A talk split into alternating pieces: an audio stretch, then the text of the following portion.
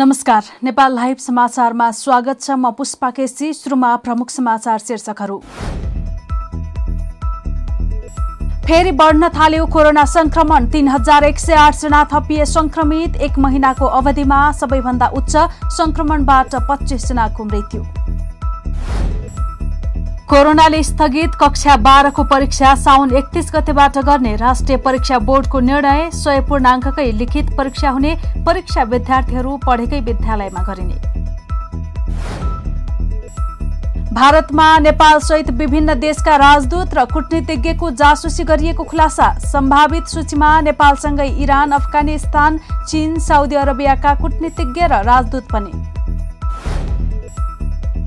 चीनमाथि America बेलायत र European युनियनले लगाए साइबर हमलाको आरोप। हमला चिनिया क्षेत्रबाटै गरिएको दावी जासुसी गतिविधिलाई निष्कर्षमा पुर्याउने दुस्साहस भरिएको कृत्यको संज्ञा।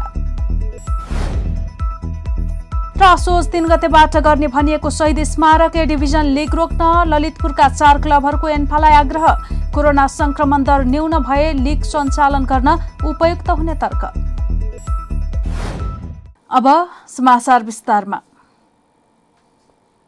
नेपालमा थप तीन हजार एक सय आठजनामा कोरोना भाइरसको संक्रमण देखिएको छ। गत चौबिस घण्टाको अवधिमा देशभर गरिएको पिसिआर तथा एन्टिजेन परीक्षणका क्रममा मंगलबार थप तीन हजार एक सय आठजनामा संक्रमण देखिएको हो। मंगलबार थपिएका दैनिक संक्रमितको संख्या एक महिनाको अवधिमा सबैभन्दा उच्च हो। यसअघि गत जेठ उन्तिस गते तीन हजार तीन सय चौरासी जना संक्रमित थपिएका थिए। त्यस यता दैनिक थपिने संक्रमितको संख्या तीन हजार भन्दा कम थियो।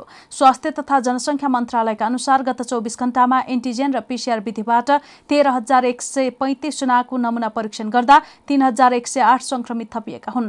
गत चौबिस घण्टामा आठ हजार आठ सय छत्तीस जनाको पिसिआर विधिबाट गरिएको नमुना परीक्षणमा दुई हजार दुई सय दुई जनामा संक्रमण पुष्टि भएको हो।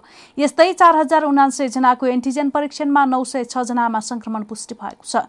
गत चौबिस घण्टामा देशभरका विभिन्न ठाउँमा गरी पच्चिसजना कोरोना संक्रमितको मृत्यु भएको छ। यो सँगै नेपालमा हालसम्म कोरोना भाइरसको संक्रमणबाट मृत्यु हुनेको संख्या नौ हजार छ सय सात पुगेको छ। प्रधानमन्त्री शेरबहादुर देउबा र नेकपा माओवादी केन्द्रका अध्यक्ष पुष्पकमल दाहाल प्रचण्ड बीच पूर्ववर्ती केपी शर्मा ओली सरकारले गरेका नियुक्तिहरू खारेज गर्ने सहमति भएको छ। मंगलबार नेकपा एमालेका वरिष्ठ नेता माधव कुमार नेपालसँग भेटवार्तापछि बालुवाटार पुगेका प्रचण्ड र प्रधानमन्त्री देउबा बीच पूर्ववर्ती ओली सरकारले गरेका नियुक्ति खारेज गर्ने सहमति भएको हो। ओली सरकारले जेठ आठपछि गरेका नियुक्ति खारेज गर्ने विषयमा सहमति भएको छ। बालुवाटार निकट स्रोतले भन्यो जेठ सात गते मध्यरातमा ओलीको सिफारिसमा राष्ट्रपति विद्यादेवी भण्डारीले प्रतिनिधि सभा विघटन गरेकी थिइन्।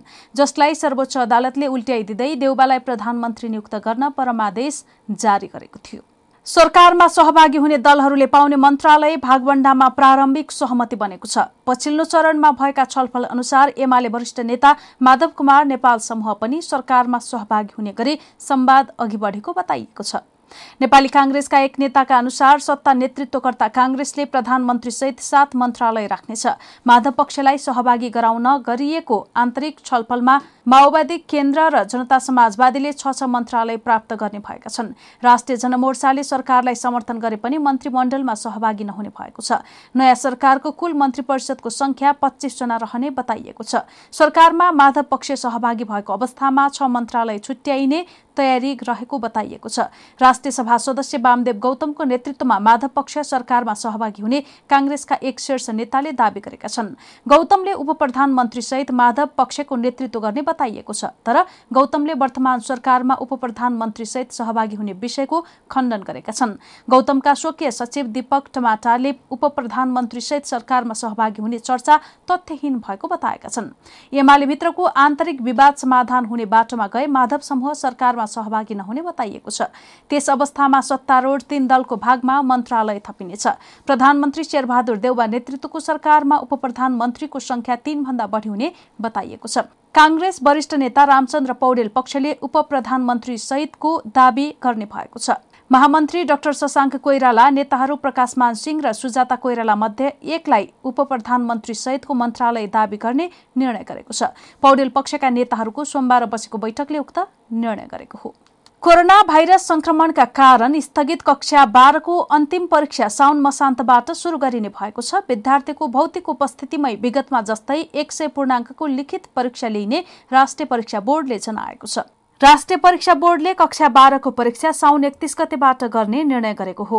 आज बसेको बोर्डको बैठकले विद्यार्थीलाई भौतिक उपस्थिति गराएर परीक्षा लिने निर्णय गरेको छ। परीक्षा विद्यार्थीहरू पढेकै विद्यालयमा हुने बोर्डका अध्यक्ष चन्द्रमणि पौडेलले बताए साउन एकतीस गतेदेखि परीक्षा लिने बोर्डले निर्णय गरेको छ। उनले भने सय पूर्णाङ्ककै लिखित परीक्षा लिन्छौ परीक्षा भदौ नौ गतेसम्म चल्नेछ। कोरोना भाइरस महामारीका कारण कक्षा बाह्रको परीक्षा यसअघि रोकिएको थियो। जेठ अन्तिम सातादेखि गर्ने तय भएको परीक्षा दुई महिनापछि लिन लागि हो। कक्षा बाह्रमा परीक्षाका लागि झण्डै चार लाख विद्यार्थीले परीक्षा फारम भरेका थिए। जनता समाजवादी पार्टीको उपेन्द्र यादव पक्षले संसदीय दलको विधान पारित गरेको छ। मंगलबार संसदीय दलको कार्यालय सिंहदरबारमा बसेको बैठकले विधान पारित गरेको हो। आजको संसदीय दलको बैठकमा प्रस्तुत संघीय संसदीय दलको विधान दुई हजार अठहत्तरको मस्यौदा प्रस्तुत भई व्यापक छलफल भयो। बैठकको निर्णयमा भनिएको छ। छलफलको क्रममा माननीय सदस्यहरूबाट आएका सुझावहरू समेतलाई समावेश गरी संघीय संसदीय दलको विधान दुई हजार अठहत्तर पारित गर्ने निर्णय गरियो। प्राप्त सुझावहरूलाई समावेश गर्न रामसराय प्रसाद यादव र मोहम्मद इस्तियाक राईलाई जिम्मेवारी पनि दिइएको छ। साथै विधानलाई अनुमोदनका लागि पार्टीको केन्द्रीय कार्यकारिणी समितिमा पठाउने निर्णय पनि गरिएको छ। जसपाको संघीय संसदीय दलको विधान केन्द्रीय कार्यकारिणी समितिबाट पारित हुनुपर्ने पार्टी विधानमा उल्लेख छ। यसअघि संसदीय दलमा कमजोर देखिएको यादव पक्ष बलियो भएसँगै विधानको प्रक्रिया अगाडि बढाइएको हो। कार्यकारिणी समितिमा पनि यो समूह स्पष्ट बहुमतमा छ। पार्टीको महन्त ठाकुर पक्षले भने अघि नै राजेन्द्र महतोलाई संसदीय दलको नेता चयन गरेको थियो। तर विधान नै तयार नभई संसदीय दलको नेता चयन हुन नसक्ने भन्दै यादव पक्षले विरोध जनाउँदै आएको थियो। यस्तै महन्त ठाकुर पक्षको केन्द्रीय कमिटिको बैठकले आफ्नो मुद्दा समर्थनका लागि प्रधानमन्त्री शेरबहादुर देउबाको ध्यान आकर्षण गराएको छ। बैठकले अघिल्लो सरकारद्वारा आफ्नो माग मुद्दाहरू समाधानको लागि गरिएको सकारात्मक पहल स्वरूप केही झुटा मुद्दाहरू फिर्ता नागरिकता सम्बन्धी अध्यादेश जारी संविधान संशोधन सम्बन्धी कार्यदलको गठन लगायतको कार्यको लागि निवर्तमान प्रधानमन्त्री केपी शर्मा ओलीलाई धन्यवाद दिने समेत निर्णय गरेको छ। इजरायलमा विकसित पेगासस स्पाइवेयर नामक सफ्टवेयरको प्रयोग गरेर भारतमा नेपालसहित विभिन्न देशका राजदूत र कूटनीतिज्ञको जासुसी गरिएको सार्वजनिक भएको छ। सोमबार बिहान वासिङटन पोस्ट र भारतको वेबसाइट द वायरले विश्वभरका पत्रकार तथा सामाजिक कार्यकर्ताको फोन ह्याक गरिएका समाचार प्रकाशन गरेका थिए। पेगासस स्पाइसवेयरको माध्यमबाट भारतमा नेपालसहित विभिन्न देशका राजदूतका फोन जासुसी गरिएको फ्रान्सेली पत्रिका लेमोन्डेले जनाएको छ। सन् दुई हजार सत्रदेखि दुई हजार एक्काइससम्म पेगासस स्पायरवेयर सफ्टवेयर मार्फत गरिएको जासुसीको सम्भावित सूचीमा नेपालसँगै इरान अफगानिस्तान चीन साउदी अरबियाका कूटनीतिज्ञ र राजदूत पनि छन्। इमरान खान र उनका राजदूतहरू लक्षित सूचीमा छन्। त्यसका साथै दिल्ली स्थित अफगानिस्तान चीन नेपाल साउदी अरब सहितका राजदूत तथा कूटनीतिज्ञ रहेका छन्। ले मोन्डेले लेखेको छ भारत स्थित नेपाली राजदूत निलाम्बर आचार्यको फोन ह्याक भए नभएको बारे केही उल्लेख गरिएको छैन। तर पेगासस नामक स्पाइवेयरबाट फोन भने स्पाइवेयर तयार गर्ने कम्पनी एनएसओले अस्वीकार गरेको बीबीसीले जनाएको छ। कम्पनीले यो प्रोग्राम केवल सरकारलाई बेच्ने गरेको जनाएको छ। भारतमा पत्रकार तथा अन्य मानिसको फोन यही सफ्टवेयरको माध्यमबाट ह्याक गरेर निगरानी गरिएको जनाएको छ। कम्पनीका अनुसार यसको प्रयोग गर्नेमा एकाउन्न प्रतिशत सरकारी जासुसी संस्था रहेका छन् र अडतिस प्रतिशत कानून लागू गर्ने एजेन्सी रहेका छन् भने एघार प्रतिशत सेना छन्। हामी नेपाल लाइभ समाचारमा छौं। अब अन्तर्राष्ट्रिय समाचार।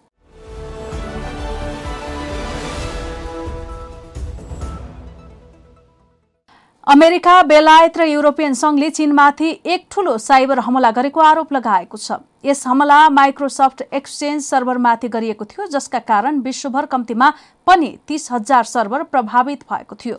बेलायतले यस हमलाका लागि चिनिया सरकार समर्थित पक्षलाई जिम्मेवार ठहर गरेको छ। उता युरोपियन युनियनले भने उक्त हमला चिनिया क्षेत्रबाट गरिएको थियो।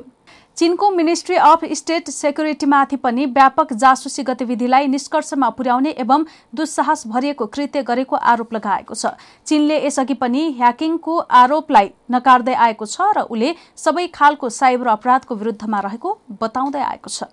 नेपाल लाइभ समाचारमा अब खेल समाचार।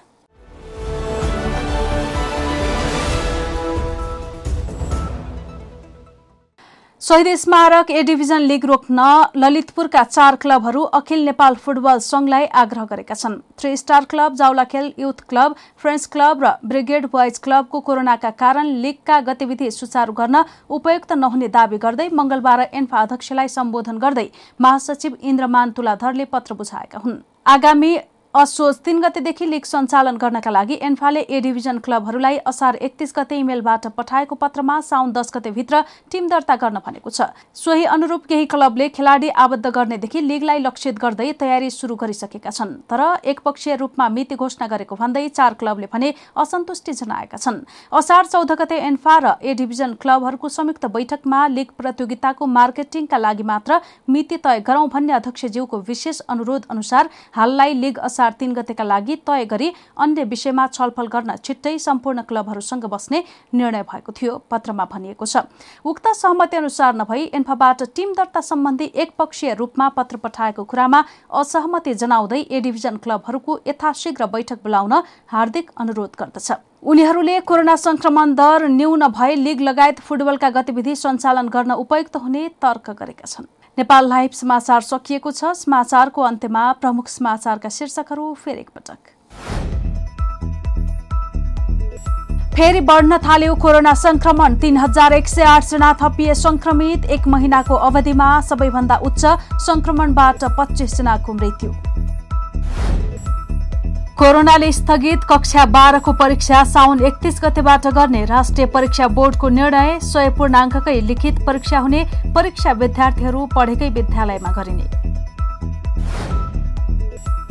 भारतमा नेपाल सहित विभिन्न देशका राजदूत र कूटनीतिज्ञको जासुसी गरिएको खुलासा सम्भावित सूचीमा नेपालसँगै इरान अफगानिस्तान चीन साउदी अरबियाका कूटनीतिज्ञ र राजदूत पनि। चीनमाथि अमेरिका बेलायत र युरोपियन युनियनले लगाए साइबर हमलाको आरोप। हमला चिनिया क्षेत्रबाटै गरिएको दावी जासुसी गतिविधिलाई निष्कर्षमा पुर्याउने दुस्साहस भरिएको कृत्यको संज्ञा।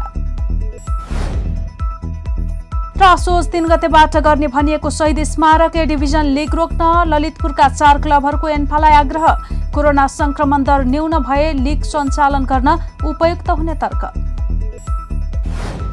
नेपाल लाइभ समाचार आज यति नै। यसपछि नेपाल लाइभमा बहसमा काङ्ग्रेस हेर्न सक्नुहुनेछ। यस्तै हाम्रा अन्य कार्यक्रम Nepal लाइभको Facebook page YouTube channel Twitter र हाम्रो वेबसाइट नेपाल लाइभ डट कममा पढ्न र हेर्न सक्नुहुनेछ। नमस्कार।